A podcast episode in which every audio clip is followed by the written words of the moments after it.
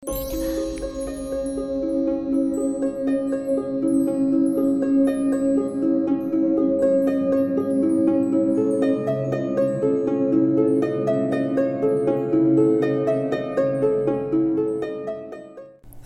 warahmatullahi wabarakatuh. Salam sejahtera untuk kita semua. Jumpa lagi dengan saya Denny dari Rumah Horor Indonesia.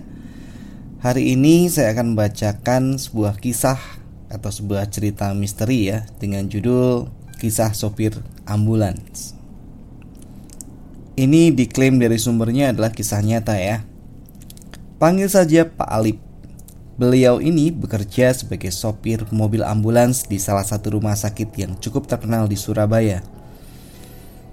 Siang itu seperti biasa, beliau dan teman sesama sopir sedang bercengkrama di barak ambulans. Ketika sedang asik-asiknya mengobrol, tiba-tiba ada panggilan dari kantor. Ada sebuah kecelakaan mobil yang terjadi. Dengan sigap, Pak Alip segera berangkat ke TKP.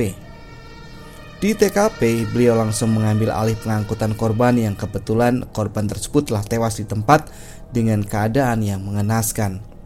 Korban segera diangkut ke rumah sakit untuk diotopsi. Seusai menjalankan tugas, Pak Alif mencuci mobil ambulansnya dari loberan darah korban. Pak mengetahui bahwa jika kurang bersih dalam membersihkan darah korban yang tewas dalam kecelakaan, maka jin atau setan yang menyerupai korban akan muncul dan menakutinya. Siang pun berganti malam. Karena kelelahan, Pak Alif memutuskan istirahat dan tidur sejenak di ambulan kesayangannya. Namun sesuatu yang tidak beliau duga terjadi.